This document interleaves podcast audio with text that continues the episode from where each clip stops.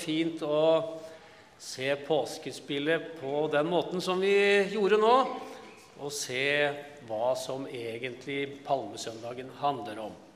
Hvor Jesus Kristus, som eh, var født som et lite barn, og som nå går inn til sin store oppgave å sone for all verdens synder. Det er det mm, som eh, palmesøndagens tekster eh, naturlig nok handler om. Men før vi deler det, skal vi fortsette å be litt sammen videre. Ja, takk, Herre Jesus, for uh, frelsen. Takk for at du gikk uh, inn under våre kår og ble mennesker lik. Takk for at du kjenner hver og en av oss gode, Herre Jesus. Og nå ser du alle vi som er samla her. Jeg ber om at du skal være til stede med Din Hellige Ånd og gi hver og en det de trenger. Må du også være med meg, at jeg kan dele teksten på en måte som er til ditt behag, at du kan sende ditt lys over ordet i dag. Det ber vi om i ditt eget navn. Amen.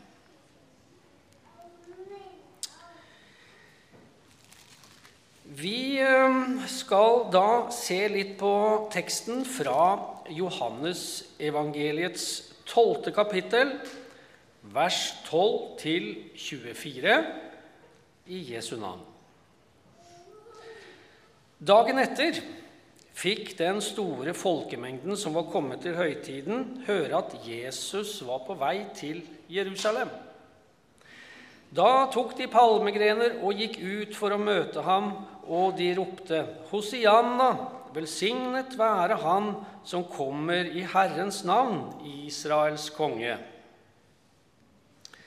Men Jesus fant et ungt esel og satte seg på det, som det står skrevet. Frykt ikke, Sions datter. Se, din konge kommer sittende på en eselfole. Og dette skjønte ikke hans disipler fra først av. Men da Jesus var blitt herliggjort, da minnes de at dette var skrevet om ham, og at de hadde gjort dette for ham. Folkeskaren som hadde vært med ham da han kalte Lasarus ut av graven og oppvakte ham fra de døde, vitnet om det. Og Dette var også grunnen til at folket gikk ham i møte, fordi de hadde hørt at han hadde gjort dette tegnet. Fariseerne sa da seg imellom.: Dere ser at dere ikke oppnår noe. Se, all verden løper etter ham. Blant dem som pleide å dra opp for å tilbe under høytiden, så var det noen grekere. Disse kom da til Philip, som var fra Betsaida,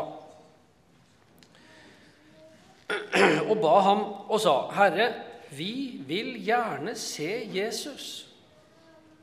Philip kommer og sier det til Andreas. Andreas og Philip går og sier det til Jesus. Men Jesus svarer dem og sier, Timen er kommet da menneskesønnen skal bli herliggjort. Sannelig, sannelig, sier jeg dere, hvis ikke hvetekornet faller i jorden og dør, så blir det bare det ene kornet.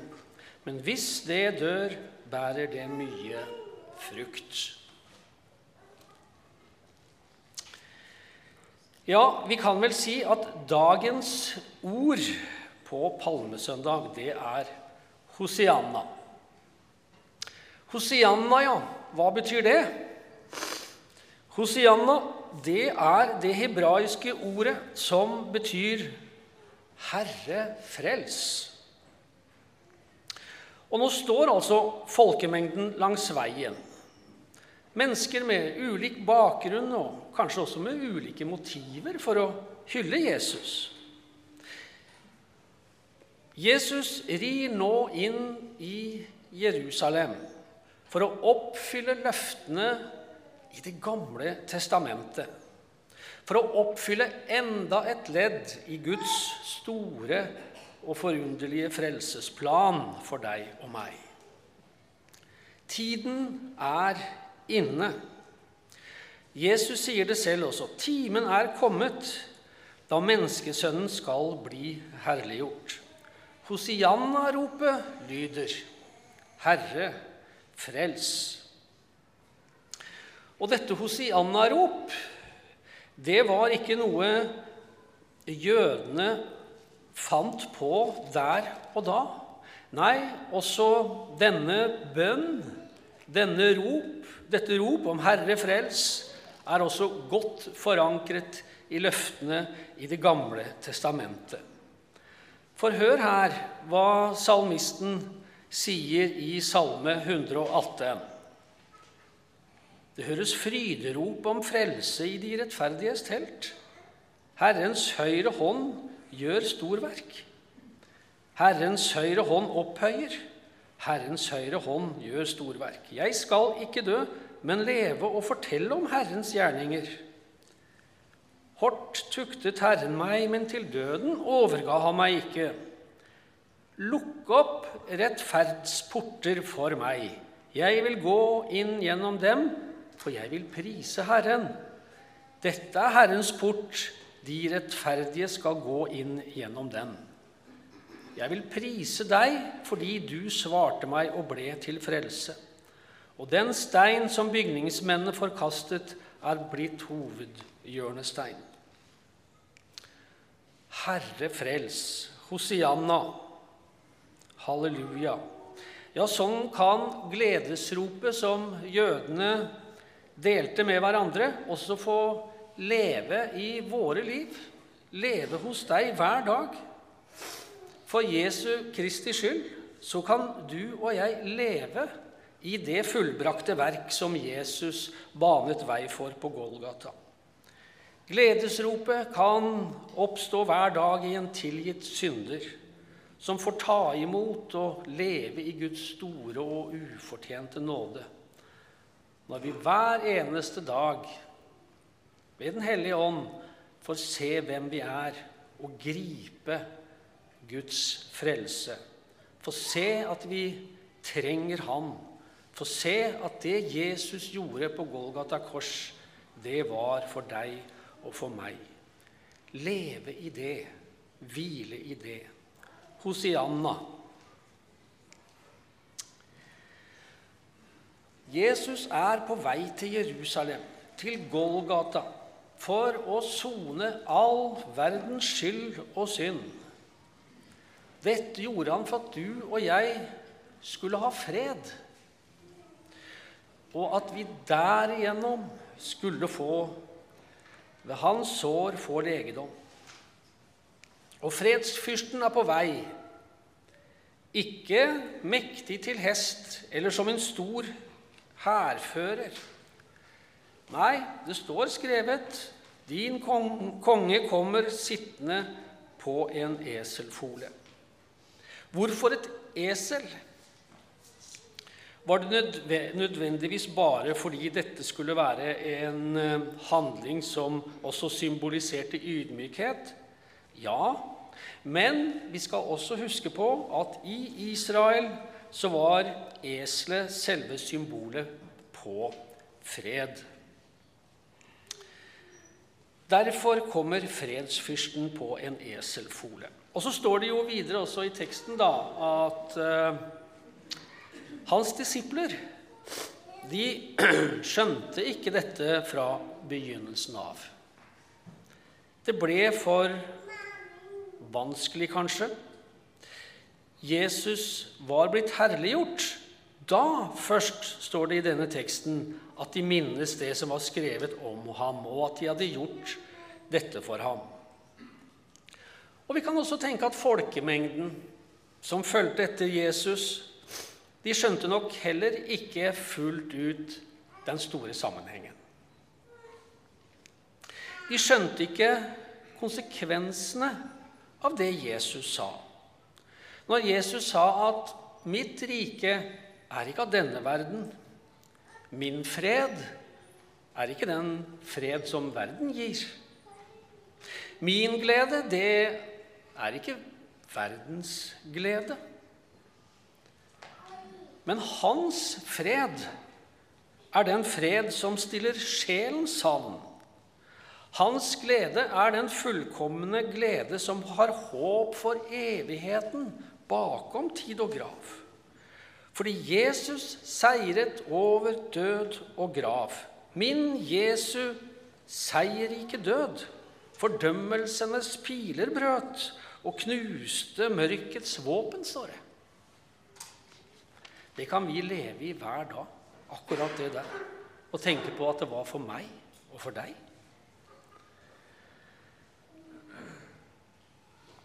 Hva tenker folket på der han kommer ridende?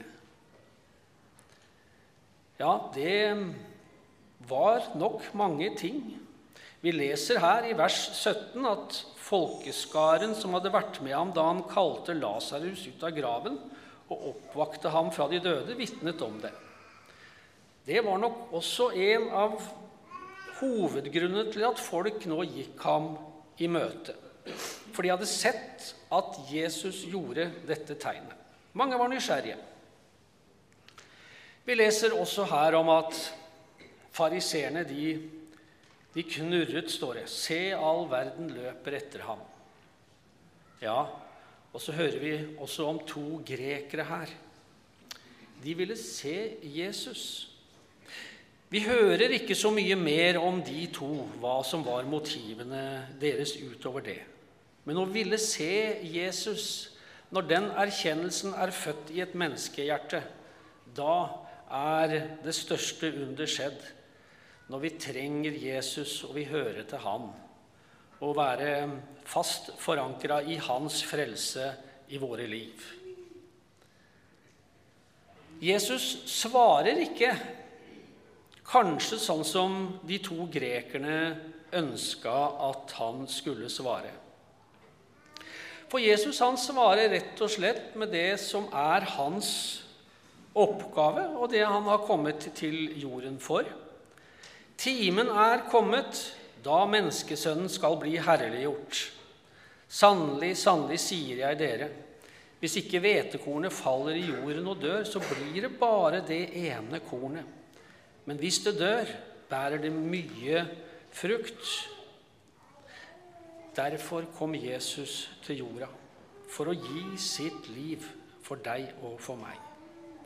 Og Derfor så står det også så fint i sangen Kornet har sin hvile dypt i frossen jord, inntil det blir vekket av et skaperord, sådd under gråt, reist opp i herlighet.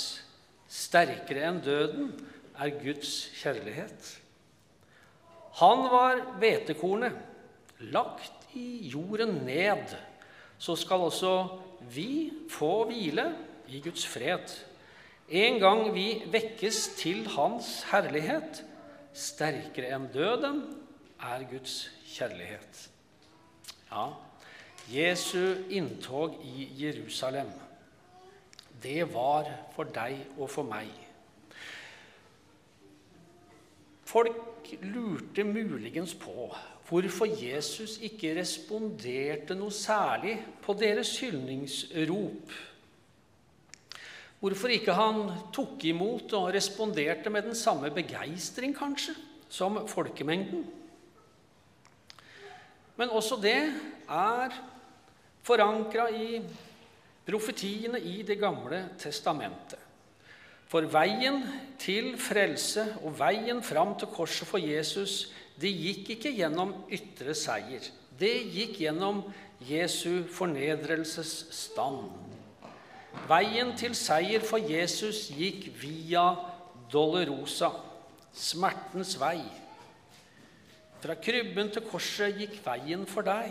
Slik åpnet du porten til himmelen for meg. Palmesøndag så møter vi dypest sett ikke noen triumferende Jesus. Folket kom kanskje også fordi de håpa at Jesus skulle være den Messias, den fredsfyrste som skulle opprette det store riket igjen i Israel. Noen hadde sett hans tegn og under. Mange eh, var kanskje også bare nysgjerrige. For vi ser jo videre utover at det å være rotfestet og grunnfestet i ham i hans fullbrakte verk. Det er det som var Jesu oppgave. Når de hyller Jesus, så hyller de kanskje hva de håpa at han skulle være eh, rent timelig sett. Men Guds tanke er igjen ikke vår tanke. Og hans veier er ikke våre veier. Hans rike, det er ikke av mennesker. Og Derfor så ber vi også sånn i Fader vår Komme ditt rike. Hellige Ånd, vis meg dine veier. Lær meg dine stier. La meg få vandre i din visdom på livsveien, i din frelse og i din kraft. Hosianna, Herre frels. Og det blir sånn i våre liv at det hyldningsrop, Hosianna og halleluja, preger vår hverdag. At det får være et speilbilde av at Jesus har blitt kongen vår. At Jesus bor i oss. At det får konsekvenser i våre liv, at Guds rike har kommet nær i våre liv. Ja, for Jesus gjorde intet mindre enn å fri oss ut fra mørkets makt og oversette oss i sin elskelige Sønns rike, står det jo i Kolosserbrevet. Jesu er på vei inn til sin eh, død på korset, og ikke minst sin oppstandelse. Jesus visste hva som lå foran der han satt på eselfolen. Han visste hva det ville koste å gå via Dolorosa. Men eh, fordi han tenkte på deg og på meg, så var det aldri et alternativ for Jesus å snu. Da menneskene i Edens hage vendte Gud ryggen og gikk sin egen vei, så snudde heldigvis ikke Gud ryggen til menneskene. For Gud han er bundet til sin edleste skapning fra syndefallet. Uansett det fra evighet er det nedlagt en evig kjærlighet til menneskene. Og Derfor var denne forunderlige og store frelsesplan som Jesus nå er i ferd med å fullføre, den var bestemt fra evighet av. Da menneskene falt i synd, da var det ikke noe krisemøte i himmelen som sa 'oi, oi, hva gjør vi nå?' Nei, det var bestemt fra evighet av. For Gud, Herren, Han som er ren, han tåler ikke synden.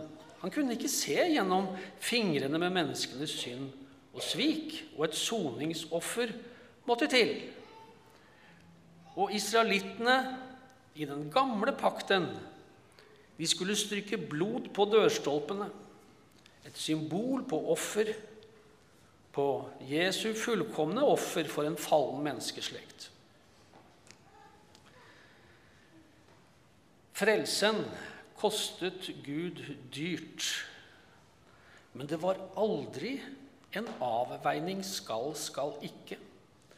Det var ham tungt å tenke på at jorden skulle undergå. Det skar ham i hans hjerte. På slik en hjertens kjærlighet han kom til oss på jorden ned og lindre all vår smerte. Det kostet dyrt, ja, men vi skal også holde fast ved det som står i Jesaja-boka. Ja, der står det faktisk så direkte om at det behaget Herren å knuse ham, står det. Hvorfor står det sånn? Jo, fordi Herren igjen elsker menneskene. Han elsker deg og meg så høyt at han ga sin sønn, den enbårne, for at hver den som tror på ham, ikke skal fortapes, men ha evig liv. Han kommer i hu at vi er støv. Han vet at vi er troløse. Han vet at han er trofast da. Gud Herren, Han som ble født i en ussel stall, og nå, i dagens tekst, tekst hører vi han rir inn på eselfolen for å oppfylle løftene i Det gamle testamentet. Nå kommer han, fredsfyrsten, for å ta skylda og straffa for våre synder på seg. Nå kommer han for å, ta, for å bli knust for våre overtredelser. Nå kommer han for å ta straffen som skulle legges på deg og meg. Nå kommer han for ved sine sår å gi deg og meg legedom og fred. Ja, for Jesu Kristi, Hans Sønns blod, det renser oss fra all synd. For at vi skulle slippe å streve i egen kraft, hvileløst omkring i lovens forbannelse og tvang. Synd og skyld er alltid der, bare du, min frelse er, står i sangen. Vi kan hvile i Hans frelse. Hosianna, i Hans frelse er det vår lovsang er ankret fast i erkjennelsen av at våre øyne har sett Jesus. Og så er det også sånn at på palmesøndagen så skal vi også kunne søke trøst i at Jesus vil også for annen gang komme tilbake til jorda. Og da blir det med stor kraft og herlighet. Da blir det ikke ydmykt sittende på et esel. Kanskje Zakaria 9 fanger noe av det når det står Rop med fryd, Sions datter. Rop høyt, Jerusalems datter. Se, din konge kommer til deg. Rettferdig er han og full av frelse. Fattig er han og rir på den unge eselfolen. Men jeg vil utrydde vognene i Efraim og hestene i Jerusalem. Alle krigsbuer skal skaffes bort, og han skal tale fred til hedningene. Og hans herredømme skal nå fra hav til hav og fra elven til jordens ender. Når han kommer tilbake igjen for å sette alt i rette stand, fredsfyrsten, da skal eh, vi få leve sammen med han og i evighet takke han for alle hans velgjerninger, for all hans frelse og for det levende håp han ga oss ved sitt blod. Skal vi fortsette å be litt sammen? Ja, takk, kjære Herre Jesus, for at vi på ny og på ny kan eh, få dele påskebudskapet med hverandre. Takk for at vi bor i et land hvor vi kan få samles i fred om eh, ditt ord, om eh, ordet om din frelse. Ja, takk, kjære Herre Jesus, at vi skal få slippe å streve lenger i vår egen kraft, men bare hvile i det du har gjort, kjære Herre Jesus. Vi takker og priser deg for det, gode Jesus, og jeg ber om at du også må velsigne alt det som skjer videre her i påsken og rundt forbi i ditt eget navn. Velsigne alt sammen, gode Herre Jesus. Må du også være hos hver og en som er her må du gi dem en velsignet påske, at det kan bli til oppbyggelse, at det kan bli til fred for sjelen, at vi mer og mer kan hvile i din framtid og ditt håp. Alt sammen ber vi om i ditt eget navn. Amen.